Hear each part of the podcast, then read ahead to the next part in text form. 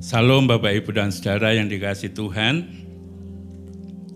Mari kita akan merenungkan firman Tuhan di dalam Injil Lukas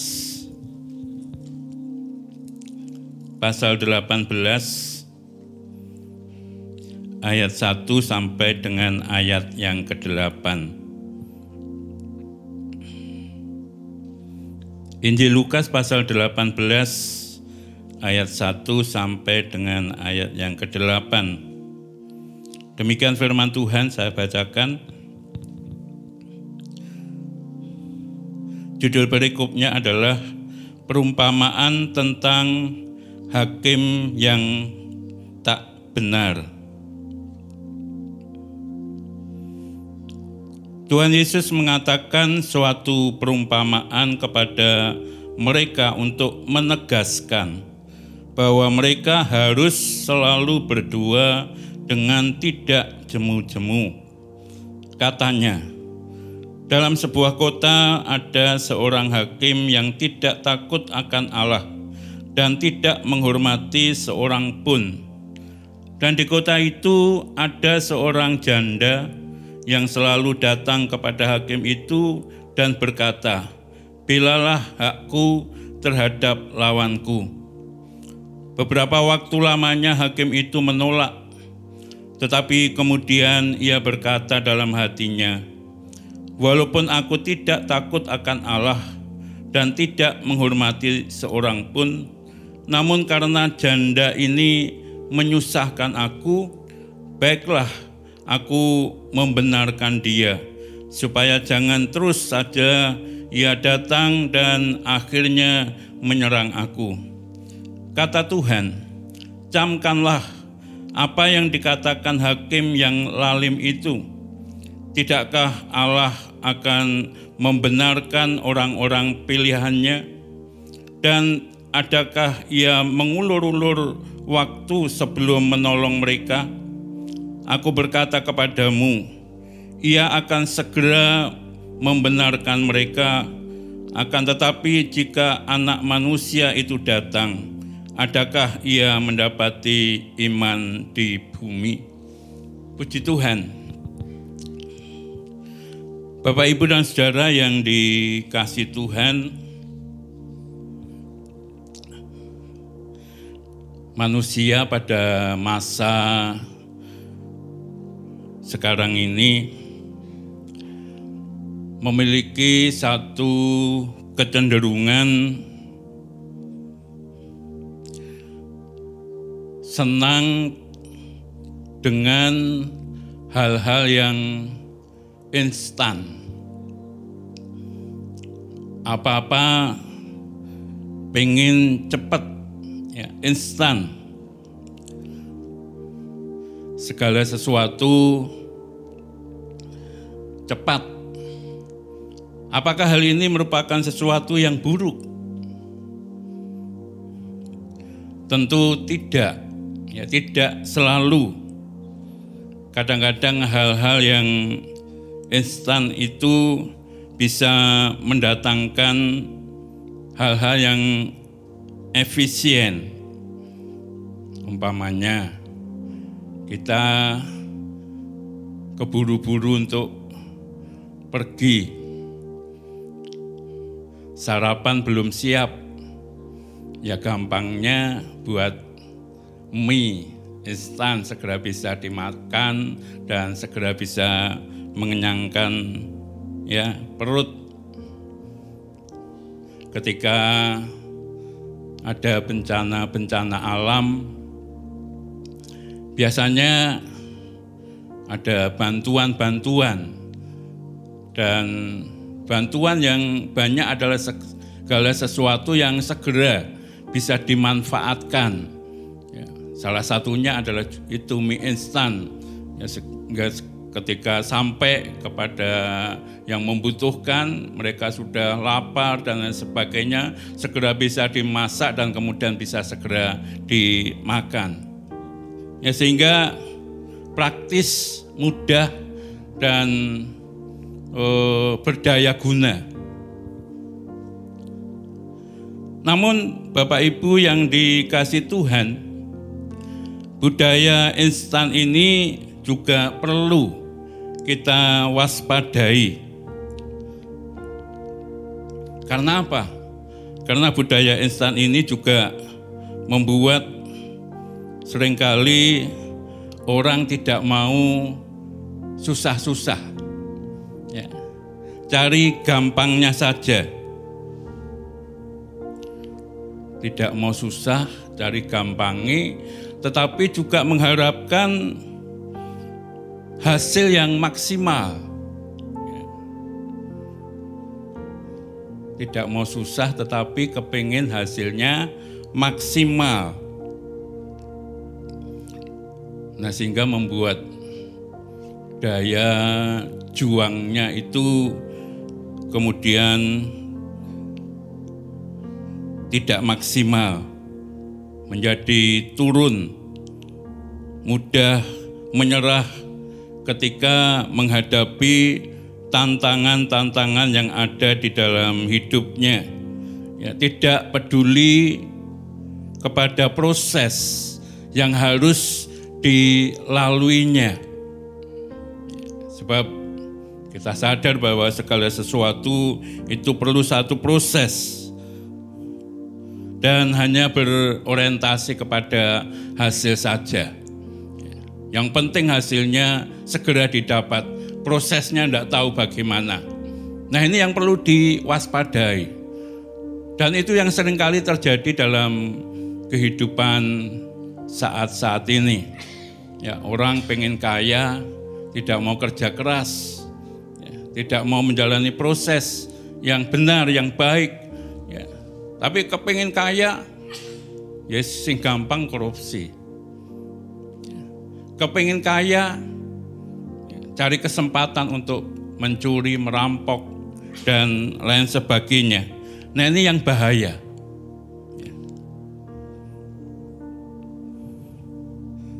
Oleh sebab itu, kita sebagai anak-anak Tuhan, yang percaya kepada Tuhan Yesus,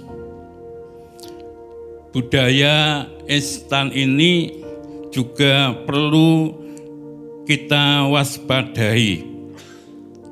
Ya, perlu kita waspadai. Mengapa? Karena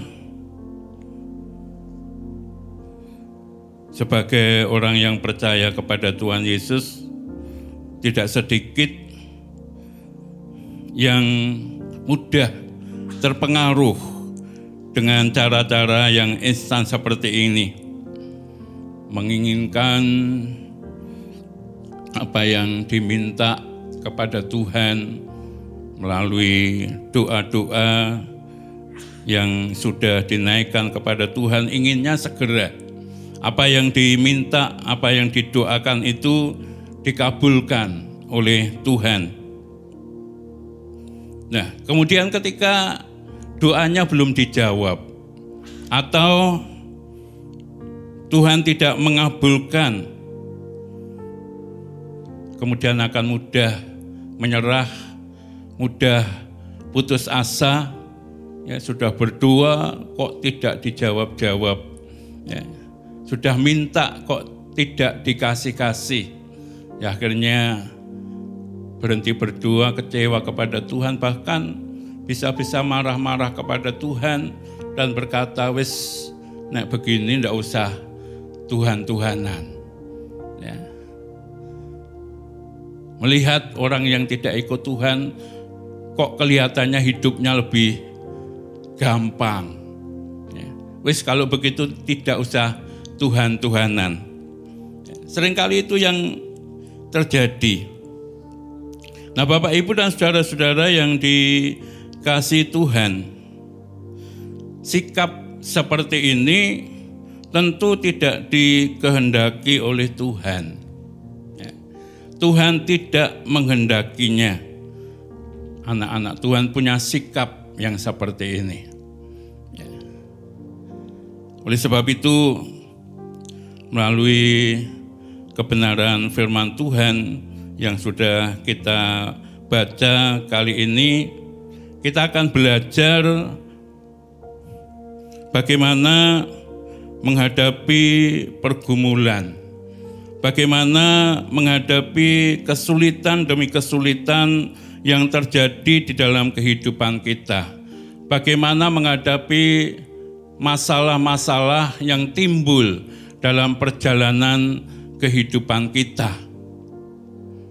Sebagaimana yang terjadi di Indonesia khususnya, tapi juga bangsa-bangsa lain ya saat-saat ini sedang menghadapi hal yang sama yaitu oleh karena pandemi virus corona ya sehingga bukan saja banyak orang yang terpapar menjadi positif bahkan banyak juga yang meninggal.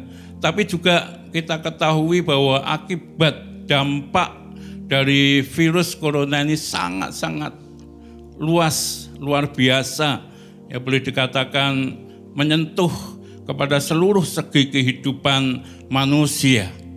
Ya, baik secara ekonomi, baik secara sosial, baik di dalam usaha pekerjaan ya, yang masih belajar dalam studi mereka, bahkan juga berdampak kepada kita anak-anak Tuhan karena tidak bisa leluasa beribadah bersama-sama secara eh, kebersamaan di gereja. Sekalipun kita percaya di rumah masing-masing anak-anak Tuhan tetap mengadakan ibadah-ibadah baik secara pribadi maupun bersama-sama dengan keluarga masing-masing. Ya. Tapi dampak dari itu semua sangat boleh dikatakan luar biasa. Dampaknya sangat luas sekali. Bapak, Ibu, dan saudara-saudara yang dikasih Tuhan, dalam keadaan seperti itu, Allah menghendaki supaya anak-anaknya tidak jemu-jemu ya, untuk berdoa kepada Tuhan dan menantikan pertolongan Tuhan. Tidak jemu-jemu berdoa kepada Tuhan untuk bisa mendapatkan pertolongan demi pertolongan yang daripada Tuhan tidak mudah menyerah, tidak mudah putus asa, ya, tidak jemu-jemu untuk berdoa kepada Tuhan. Ini memang bukan sesuatu yang mudah untuk kita lakukan, tetapi kita sangat percaya bahwa kita pasti bisa. Dengan pertolongan Roh Kudus, kita tetap bisa berdoa sebagaimana yang Tuhan kehendaki. Nah, dari perikop yang kita baca tadi, kita akan belajar bagaimana memiliki kehidupan doa yang tidak jemu-jemu. Ya. Bagaimana kita tidak mudah putus asa, bagaimana kita tidak mudah menyerah, bagaimana kita tidak mudah ngelukru, patah semangat, tapi kita terus menerus ya memiliki kehidupan doa yang tidak jemu-jemu. Ya. Apa yang bisa kita pelajari dari kebenaran firman Tuhan ini? Yang pertama yaitu bahwa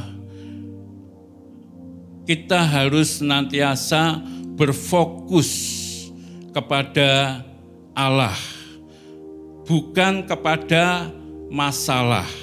Ya kita berfokus kepada Tuhan, bukan kepada masalah keadaan yang sedang terjadi di sekitar kita.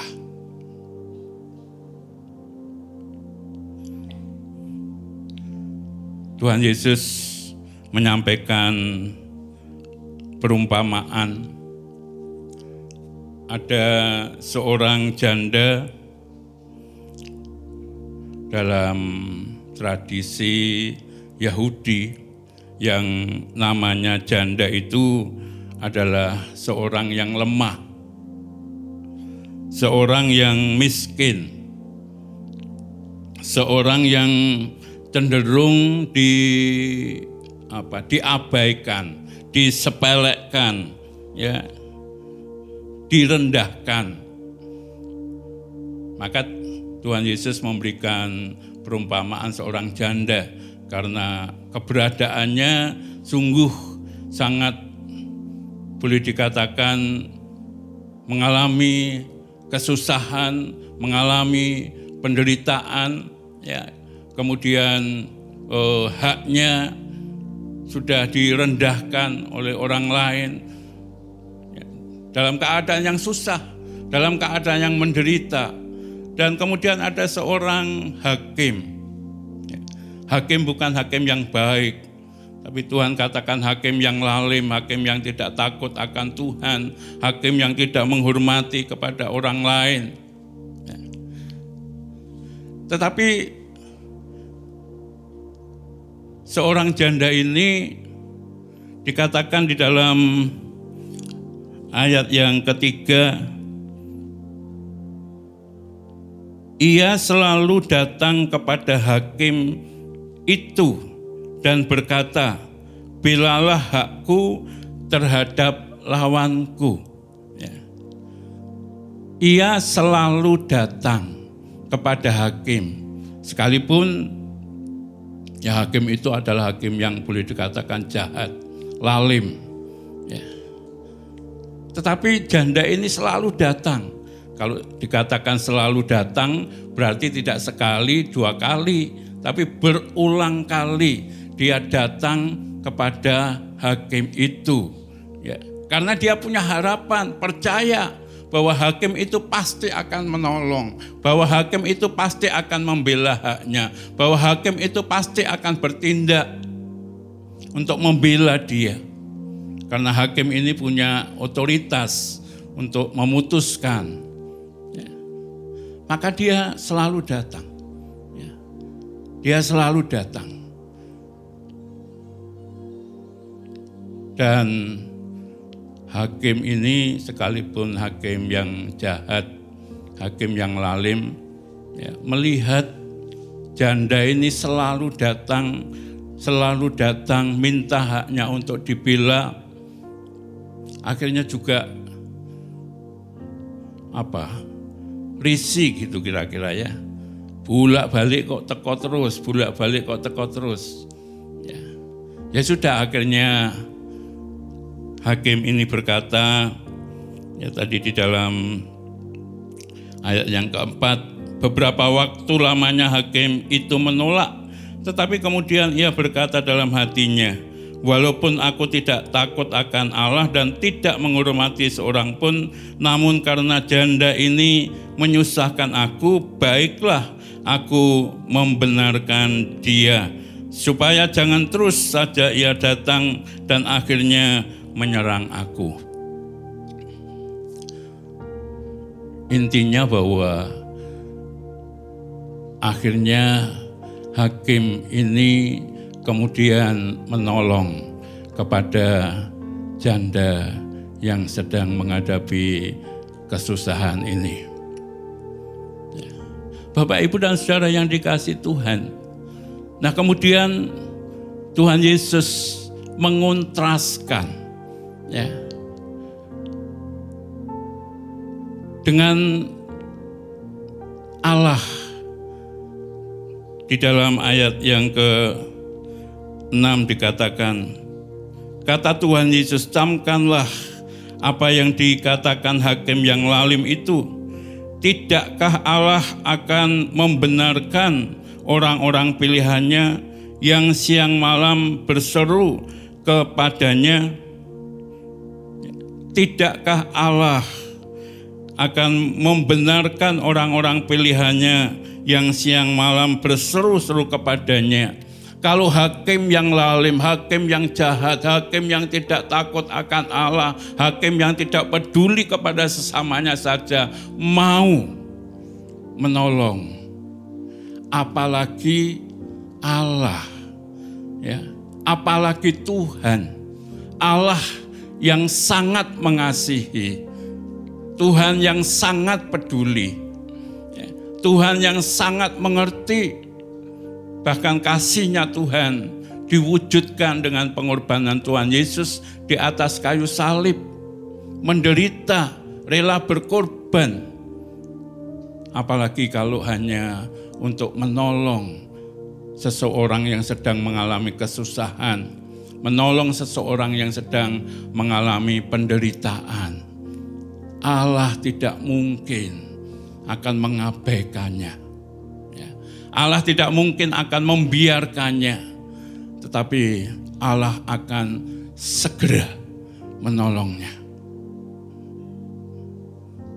Itu yang dicontohkan oleh Tuhan Yesus. Bagaimana orang-orang yang senantiasa berdoa, tidak jemu-jemu, berseru-seru kepada Tuhan. Tuhan itu bukan saja mendengar, tetapi Tuhan pasti bertindak, menyatakan kasihnya, menyatakan pertolongannya, menyatakan kuasanya, menyatakan pembelaannya. Maka kalau kita merenungkan kehidupan Daud, Daud sebagai seorang raja bukan berarti tidak ada masalah, tidak ada persoalan, tidak ada tantangan. Ya kalau kita membaca bagaimana kehidupan Daud, oh begitu banyak tantangan, masalah, persoalan yang dihadapi oleh Daud. Tapi di atas semuanya itu Daud tahu bagaimana harus bersikap. Ya. Dia selalu datang kepada Tuhan. Ya. Tidak menggunakan kekuatan kemampuannya sendiri, tapi Daud selalu datang kepada Tuhan. Dikatakan bahwa Daud memuji, menyembah, berdoa kepada Tuhan itu bukan sekali, dua kali sehari, tapi tujuh kali sehari. Dia datang kepada Tuhan. Tujuh itu adalah angka sempurna. Artinya bahwa Daud hanya mengandalkan Tuhan, hanya percaya kepada Tuhan, terus berseru-seru kepada Tuhan, tidak jemu-jemunya Daud berdoa kepada Tuhan. Kenapa? Karena Daud tahu bahwa hanya Tuhanlah yang bisa untuk menolong di dalam segala perkara. Masalah, persoalan, tantangan yang dihadapinya. Dia tahu hanya Tuhanlah yang sanggup menguraikannya, memberikan jalan keluar setiap apa yang dia hadapi di dalam kehidupannya. Maka Bapak Ibu dan Saudara kalau kita merenungkan di dalam kitab Mazmur pasal yang ke-23 itu adalah ungkapan hati Daud yang sesungguhnya terhadap Tuhan yang menempatkan Tuhan sebagai pemelihara, penolong, ya pembela di dalam hidupnya. Di dalam Mazmur pasal 23 saya bacakan sungguh sangat indah Mazmur ini. Judul berikutnya adalah Tuhan Gembalaku yang baik. Mazmur Daud. Tuhan adalah gembalaku, kata Daud, takkan kekurangan aku. Ia membaringkan aku di padang rumput yang hijau. Ia membimbing aku ke air yang tenang. Ia menyegarkan jiwaku. Ia menuntun aku di jalan yang benar. Oleh karena namanya, Sekalipun aku berjalan dalam lembah kekelaman, aku tidak takut bahaya, sebab engkau besertaku, gadamu dan tongkatmu itulah yang menghibur aku. Engkau menyediakan hidangan bagiku di hadapan lawanku, engkau mengurapi kepalaku dengan minyak, pialaku penuh melimpah, kebajikan dan kemurahan belaka akan mengikuti aku seumur hidupku. Aku akan diam dalam rumah Tuhan sepanjang masa.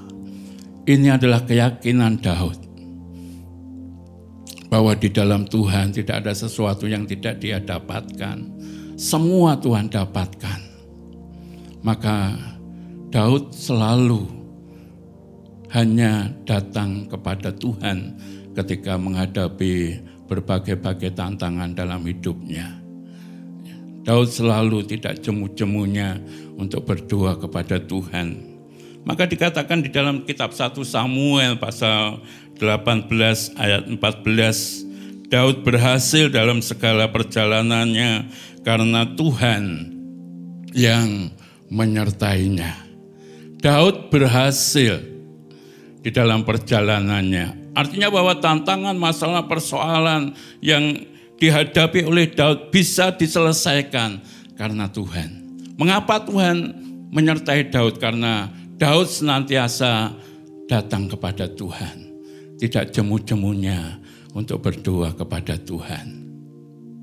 Ini yang Tuhan kehendaki di dalam setiap kehidupan kita, anak-anak Tuhan. Jangan jemu-jemu untuk senantiasa datang kepada Tuhan, berdoa kepada Tuhan. Yang pertama yang kita dapatkan. Kemudian yang kedua bagaimana kita memiliki kehidupan doa yang tidak jemu-jemu. Yang kedua adalah percaya kepada kedaulatan Tuhan. Percaya kepada kedaulatan Tuhan bahwa Tuhan itu berdaulat ya berkuasa atas setiap kehidupan kita. Dan Tuhan berdaulat atas kehendaknya di dalam setiap kehidupan anak-anaknya. Tadi dikatakan di dalam ayat yang ke-7 dan ayat yang ke-8 Tidakkah Allah akan membenarkan orang-orang pilihannya yang siang malam berseru kepadanya? Dan adakah ia mengulur-ulur waktu sebelum menolong mereka? Aku berkata kepadamu, ia akan segera membenarkan mereka. Akan tetapi jika anak manusia itu datang, adakah ia mendapati iman di bumi? Bapak Ibu dan Saudara yang dikasih Tuhan, kalau kita merenungkan ayat-ayat ini, hal ini tidak berbicara tentang bahwa Tuhan itu akan segera menjawab setiap doa-doa. Ya. Kalau Tuhan segera menjawab doa-doa berarti ya tidak perlu harus berdoa dengan tidak jemu-jemu. Wong Tuhan sudah menjawab, ya sudah puji Tuhan, bersyukur. Tapi ini berbicara tentang kedaulatan Tuhan. Kita percaya bahwa Tuhan itu berdaulat atas setiap kehidupan kita. Kita percaya bahwa Tuhan punya rencana kehendak di dalam setiap kehidupan kita. Sehingga sekalipun kita tidak langsung ya menerima jawaban atau apa yang kita doakan dijawab oleh Tuhan, tetapi kita tetap percaya bahwa Tuhan punya kehendak. Tuhan punya kedaulatan atas setiap apa yang dikehendaki oleh Tuhan. Tuhan punya cara untuk menolong kita. Ya, Tuhan punya waktu untuk menyatakan kasih dan kuasanya di dalam setiap kehidupan kita. Sehingga ketika kita belum mendapatkan jawaban atas apa yang kita doakan, kita tetap berdoa dengan tidak jemu-jemu terus berdoa Ya, terus berdoa karena kita percaya bahwa Tuhan punya kehendak. Tuhan tidak akan mengulur-ulur waktu. Ya, waktu bukan waktu kita, tetapi waktunya Tuhan. Ya. Tuhan pasti akan menjawab, tetapi sesuai dengan cara-caranya Tuhan, bukan dengan cara kita. Ini yang perlu ya tetap ada dalam kehidupan kita. Bahwa hidup mati kita itu ada di tangan Tuhan Tuhan berdaulat penuh atas kehidupan kita. Dan Tuhan punya kedaulat penuh atas rencana dan kehendaknya. Kita sering kali mendengar keluarga Lazarus. Di mana Lazarus ketika sakit, ya, Maria, Marta sudah memberitahukan kepada Tuhan Yesus. Tetapi ketika Tuhan Yesus diberitahu, ya, Tuhan Yesus tidak segera untuk datang kepada keluarga ini, ya, menumpangkan tangan atas Lazarus sehingga sakitnya sembuh. Tapi Tuhan tinggal lebih lama lagi. Baru kemudian setelah empat hari, ya Tuhan Yesus datang dan orang sudah mengatakan terlambat. Terlambat karena Lazarus sudah mati, sudah dikubur empat hari. Ya. Tapi bagi Tuhan tidak ada yang terlambat. Ya, Tuhan punya kedaulatan atas hidup Lazarus, atas rencana-rencana Tuhan. Dan ketika diberitahu bahwa Lazarus sudah mati bahkan sudah empat hari. Tuhan menyatakan kedaulatannya. Lazarus dipanggil dan akhirnya singkat cerita Lazarus hidup, boleh kembali. Dan di balik itu ada rencana-rencana Tuhan yang luar biasa. Kalau hanya menyembuhkan orang sakit, orang sudah tahu bahwa oh biasa Tuhan Yesus menyembuhkan orang sakit. Tapi kalau membangkitkan orang yang sudah mati bahkan sudah empat hari, itu yang luar biasa. Dan itulah kedaulatan Tuhan, punya rencana yang indah di balik apa yang terjadi pada saat itu. Demikian juga di dalam setiap kehidupan kita anak-anaknya. Tuhan Yesus mengendaki supaya kita tidak jemu-jemunya untuk berdua. Mungkin kita berkata, ini sudah tidak mungkin, ini sudah terlambat, ini gimana Tuhan? Tetapi kita harus tetap percaya terhadap kedaulatan Tuhan di dalam setiap kehidupan kita. Ya. Yang kita katakan sudah terlambat, Tuhan tidak pernah terlambat. Yang kita katakan sudah tidak mungkin, bagi Tuhan selalu ada kemungkinan bahkan di dalam Tuhan tidak ada perkara yang mustahil. Ya. Maka kita harus tetap terus. Tidak jemu-jemunya berdua. Yang pertama kita tetap fokus kepada Tuhan. Ya. Sehingga kita tidak jemu-jemu berdua karena kita tahu bahwa Tuhan tidak pernah meninggalkan kita. Dia Immanuel bagi kita semua tapi Tuhan juga Ebenezer. Ya, Tuhan tetap akan menolong kita sampai kesudahan zaman. Tapi yang kedua, kita menyadari bahwa Tuhan punya kedaulatan atas setiap apa yang terjadi dan atas setiap kehidupan kita. Nah, ketika kita percaya Tuhan punya kedaulatan penuh atas kehidupan ini, kita tidak akan pernah jemu-jemu berdua karena di balik semua apa yang terjadi, pasti Tuhan punya rencana-rencana yang indah di balik semuanya. Maka mari Bapak Ibu dan Saudara yang dikasih Tuhan, di dalam menghadapi masa-masa yang sukar pada saat ini, kita tetap terus berfokus kepada Tuhan yang pertama. Tapi yang kedua, kita tetap punya iman. Jangan sampai seperti apa yang ditanyakan Tuhan, apakah masih ada iman ya ketika Tuhan Yesus datang. Ya biar kita tetap memiliki iman. Ya, percaya kepada Tuhan. Sekalipun jalan-jalannya tidak mudah. Rencana Tuhan tidak seperti rencana kita, kehendak Tuhan tidak seperti kehendak kita. Tapi semua karena kasihnya, anugerahnya, pasti Tuhan punya kehendak yang indah di balik semua apa yang terjadi. Nah, puji Tuhan, Tuhan memberkati kita sekalian.